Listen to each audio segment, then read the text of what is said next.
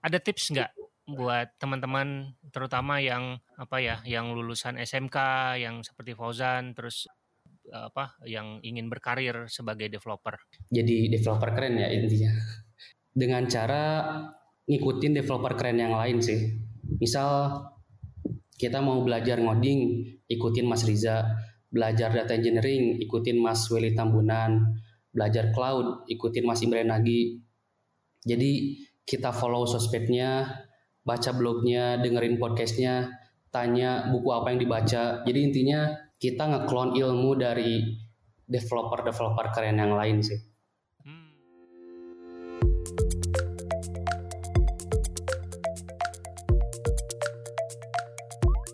Selamat datang di Ceritanya Developer, podcast yang menampilkan developer, programmer, atau engineer Indonesia inspiratif yang tersebar di seluruh dunia.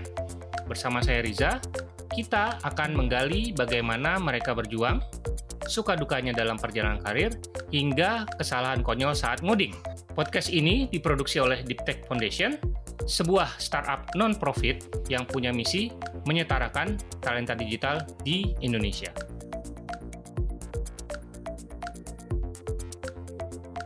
Nah, sekarang kita sudah bersama dengan eh, lulusan SMK lagi. Kita kedatangan lulusan SMK lagi kali ini. Uh, kali ini bersama Fauzan Fatur Rahman. Uh, dia sekarang bekerja di Mekari sebagai software engineering in test ya. Dan juga suka nih hobinya bikin-bikin chatbot. Kita langsung sapa aja. Halo Fauzan, apa kabar? Halo Mas Riza. Alhamdulillah puji Tuhan baik. Mas Riza gimana? Uh, baik, baik, baik uh, masih diberi kesehatan dan juga masih diberi kesempatan untuk uh, ya menyapa pendengar ya uh, apa memanjakan kuping pendengar ya. nah uh, kali ini kita akan cerita uh, mendengarkan cerita Fauzan gimana ceritanya uh, Fauzan ini bisa sampai uh, saat ini menjadi software engineer mulai dari awal banget belajar komputer atau belajar ngoding itu kapan sih? Oke. Jadi dulu waktu saya SMP kelas 2 kan ada pelajaran TIK kan ya. Teknologi hmm. Informasi Komunikasi. Nah di pelajaran itu guru saya ngasih tugas untuk bikin blog dengan tampilan sebagus mungkin. Jadi waktu itu saya bikin blognya pakai blogger. Nah terus saya googling tuh gimana cara memperbagus tampilan blog kayak gitu gitu. Terus saya nemu artikel, saya ikuti tutorialnya yang mana ngubah template HTML dan nambahin tag HTML. Dulu waktu itu saya belum tahu apa itu HTML, apa itu ngoding. Jadi saya coba masukin aja tuh tag HTML ke si template HTML blognya. Terus saya save aja deh.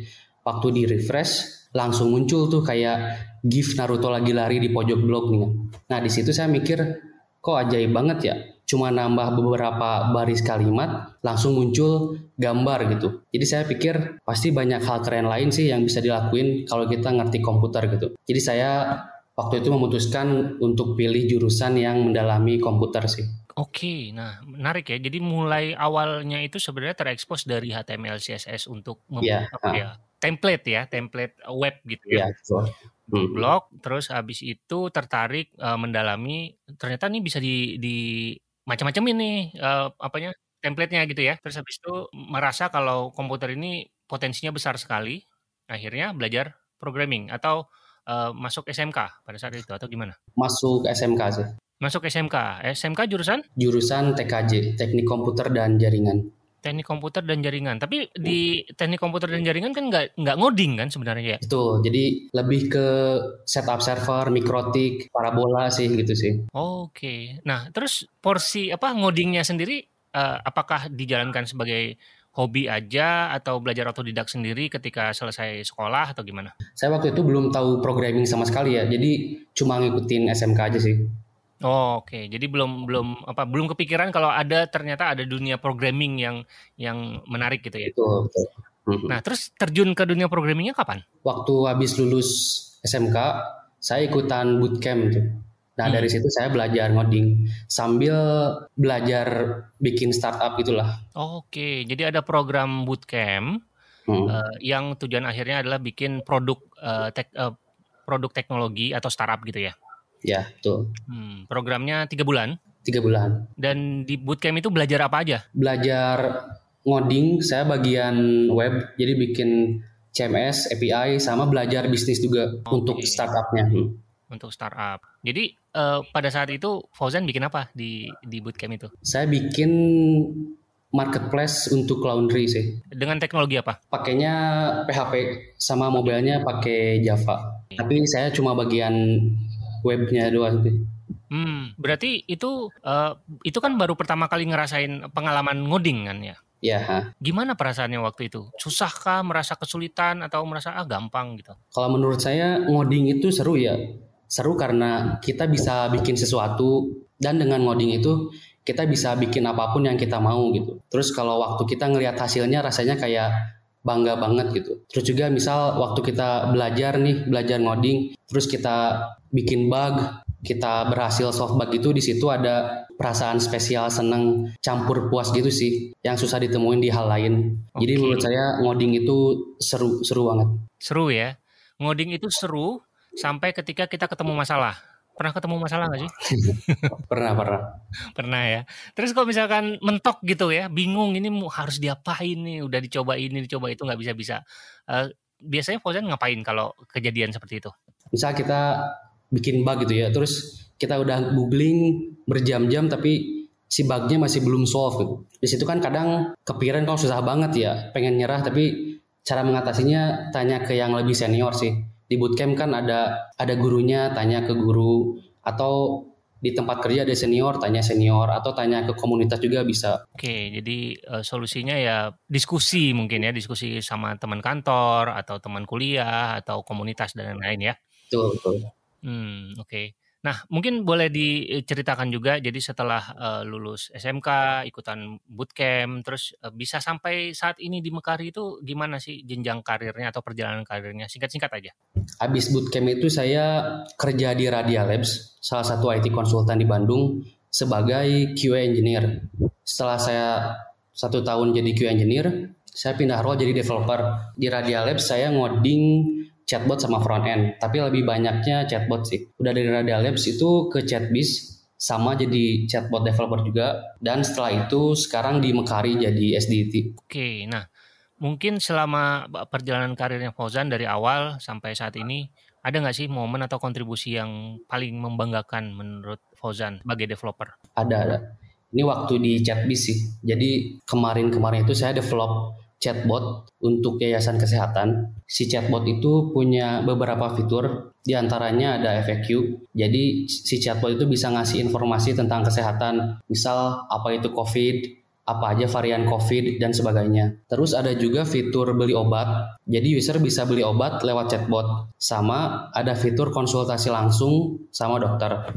Nah setelah chatbotnya live, kami dapat feedback yang positif. Si kliennya tuh bilang gini kayak Makasih ya Mas, ini jadi banyak user gampang beli obat dan bisa konsultasi langsung ke dokter. Chatbot ini bermanfaat banget gitu. Nah di situ saya ngerasa terharu ya, sekaligus bangga gitu, karena codingan saya bisa nolong orang banyak gitu. Di situ saya ngebayangin mungkin aja karena codingan saya ada orang yang asalnya sakit bisa jadi sembuh karena konsultasi sama beli obat lewat chatbot. Menurut saya itu sih kontribusi yang paling membanggakan. Oke, jadi bikin apa chatbot untuk uh, membantu orang yang sakit supaya cepat sembuh gitu ya? Iya. Mantap. Nah, kalau sebaliknya ada nggak sih uh, apa momen-momen yang memalukan gitu? ada.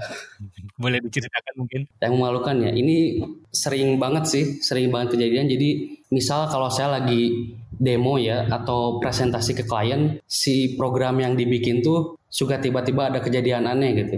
Misal server tiba-tiba mati atau tiba-tiba muncul bug aneh apa gitu. Padahal sebelum presentasi itu udah dites dulu dan aman-aman aja gitu. Tapi waktu presentasi malah error gitu. Nah ini memalukan sih. Terus pada saat presentasi gitu apa yang biasanya Fauzan lakukan? Ya gimana ya Tadi jalan kok mbak. Oke oke oke. Supaya dia bilang ini bisa gak sih orang? Oke, iya iya iya. Iya itu emang sering ya, emang sering demo aplikasi di depan klien gitu ya, atau demo coding pada saat uh, misalkan apa ya, misalkan di presentasi atau pada saat uh, sharing di meetup gitu ya, itu sering kejadian ya. Mungkin sekarang udah biasa ya karena sering saking seringnya kali ya. Iya, udah udah biasa. Oke oke. Wah lucu juga. Nah, uh, punya mentor nggak sih? Wah, banyak sih mas. Banyak. Mungkin boleh disebutkan satu atau dua atau tiga juga boleh. Jadi di tiap company yang saya pernah tempati ya, semua senior itu saya anggap mentor gitu. Dulu di Oke. Radia Labs ada Mas Iwa Sugriwa, Engineering Manager, ada Mas Rudi Hartono, VP of Engineering, ada Mas Ade Rivaldi, PM, ada juga Pak Tito Daniswara dan Pak Puja Pramudia, co-founder. Itu cuma di Radia Labs saja ya.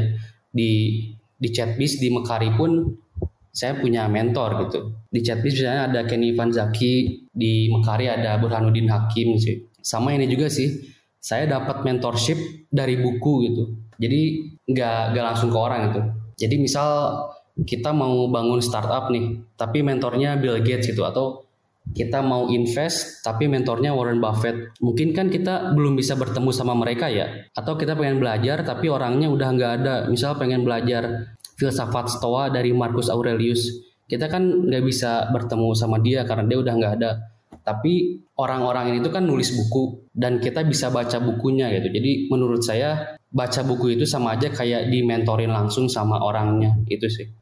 Hmm, jadi zaman sekarang itu mentor bukan hanya orang yang kita ketemu langsung terus apa sharing session tiap minggu atau tiap bulan Iya. gitu ya, tapi buku pun bisa eh, buku biografi dan lain-lain pun bisa sebenarnya bisa kita Iya. jadikan eh, suri tauladan gitu ya, sosoknya gitu ya. Betul. Mhm. Oke, wah menarik juga nih. Jadi bisa buat alternatif kalau teman-teman yang belum punya mentor gitu ya, mungkin bisa Baca buku. apa ya, bisa cari apa eh, developer idolanya terus cari bukunya mungkin ya, Iya, iya, atau iya, betul. artikel-artikel yang berkaitan gitu ya. Mhm. Oke, nah kalau eh, selain mentor, ada nggak sih eh, sosok developer atau engineer yang diidolakan? Ini banyak juga sih ya.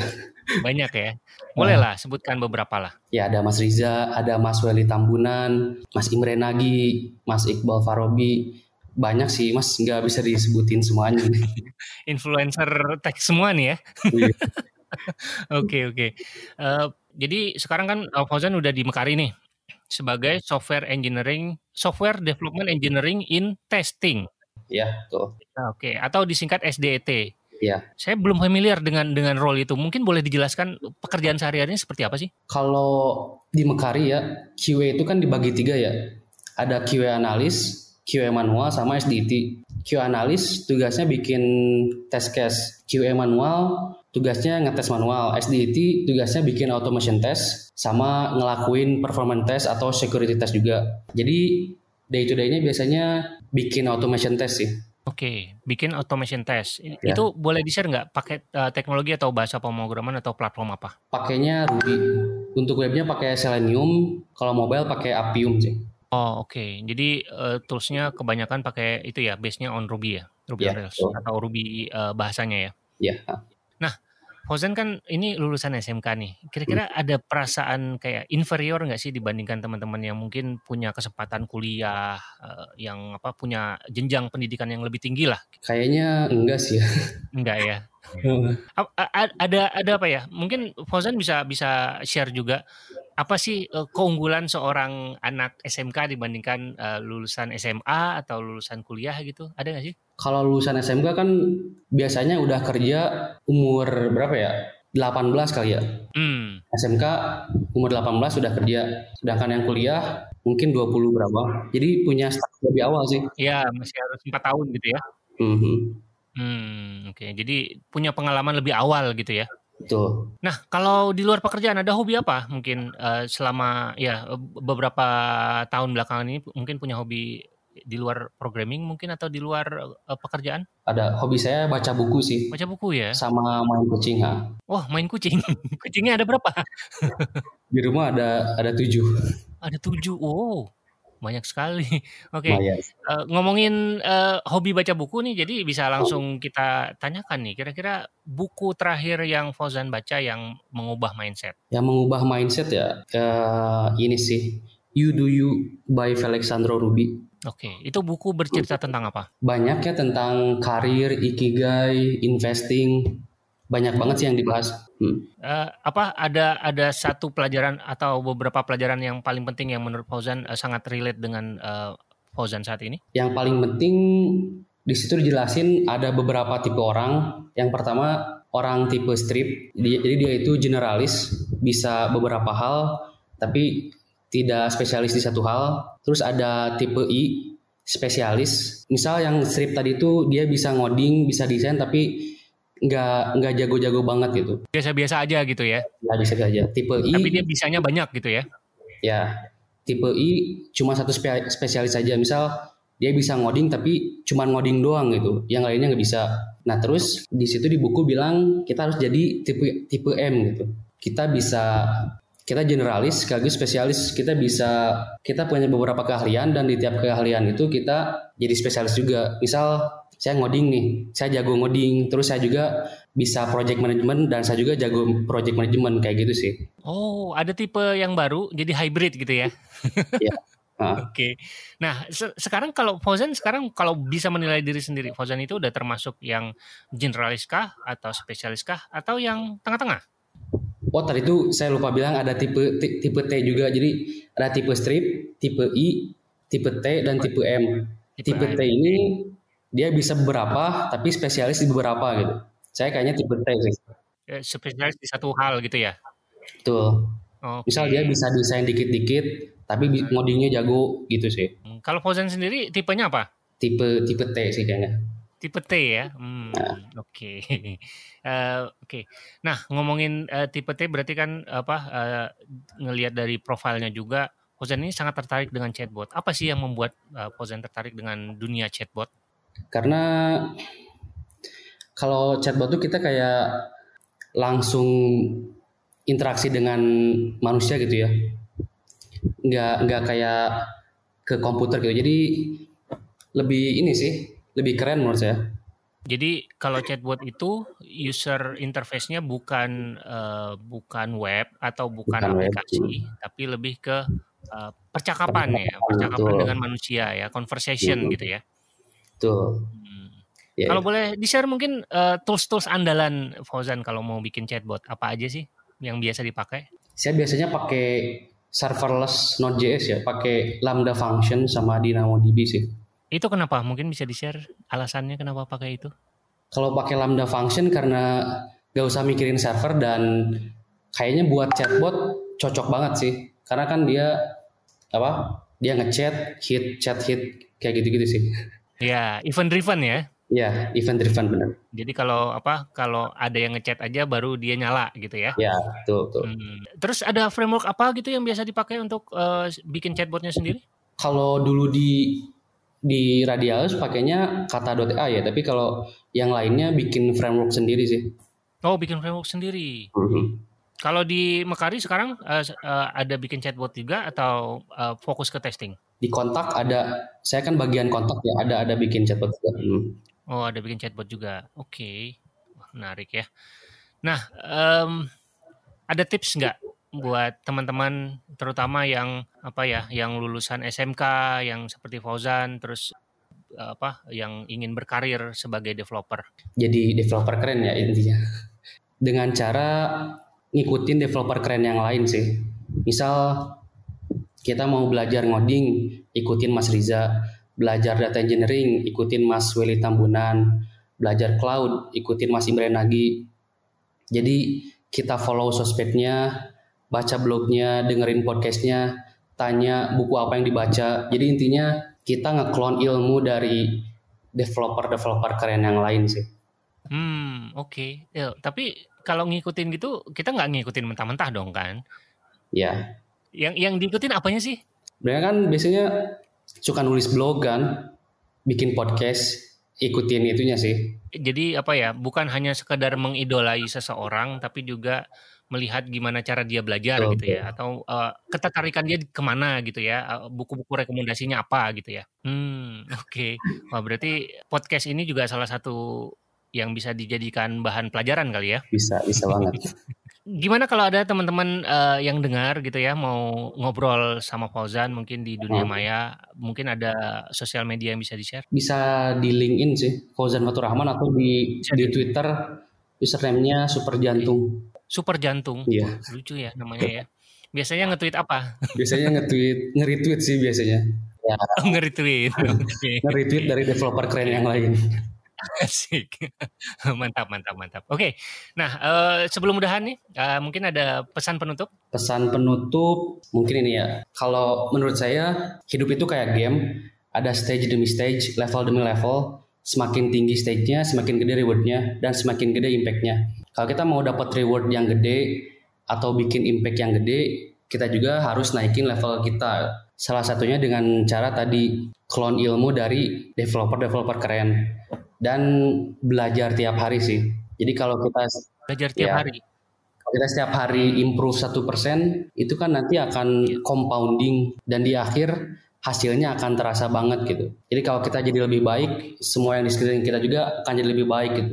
Jadi bikin sesuatu, solve problem, saya yakin banyak proyek yang menunggu untuk ditemukan gitu. Itu sih. Wow, gila, mantap pesannya. Setelah mendengar pesan Fauzan, saya jadi bertanya-tanya. Fauzan, kalau sekarang uh, sehari-hari bekerja misalkan dari jam 9 sampai jam 5 gitu ya. Mm-hmm. Ada masih menyempatkan untuk belajar gak setelah jam kerja atau karena sekarang saya lagi ini ya bangun startup sama temen dan bikin chatbot non profit jadi masih belum ada waktu untuk belajar sih jadi ngerjain itu sih waktunya uh, wow jadi oke jadi apa waktu senggangnya digunakan untuk membuat startup atau chatbot ini ya iya tuh Oh, menarik. Jadi uh, di luar jam kerja juga mengerjakan proyek gitu ya? Iya. Wah, luar biasa produktif sekali, hebat. Oke, kalau gitu terima kasih banyak Fozan, ceritanya menarik dan oh. cukup inspiratif. Wah, pesan-pesannya juga sangat luar biasa. Sukses terus untuk karir dan kehidupannya. Kritik dan saran bisa dilayangkan ke rizafahmi at gmail.com atau mention lewat Instagram ditech.id dengan hashtag ceritanya developer. Jangan lupa support podcast ini dengan berdonasi lewat karyakarsa.com slash rizafahmi atau beli merchandise ceritanya developer di www.ciptaloka.com slash plus rizafahmi. Sampai jumpa lagi di episode berikutnya. Bye!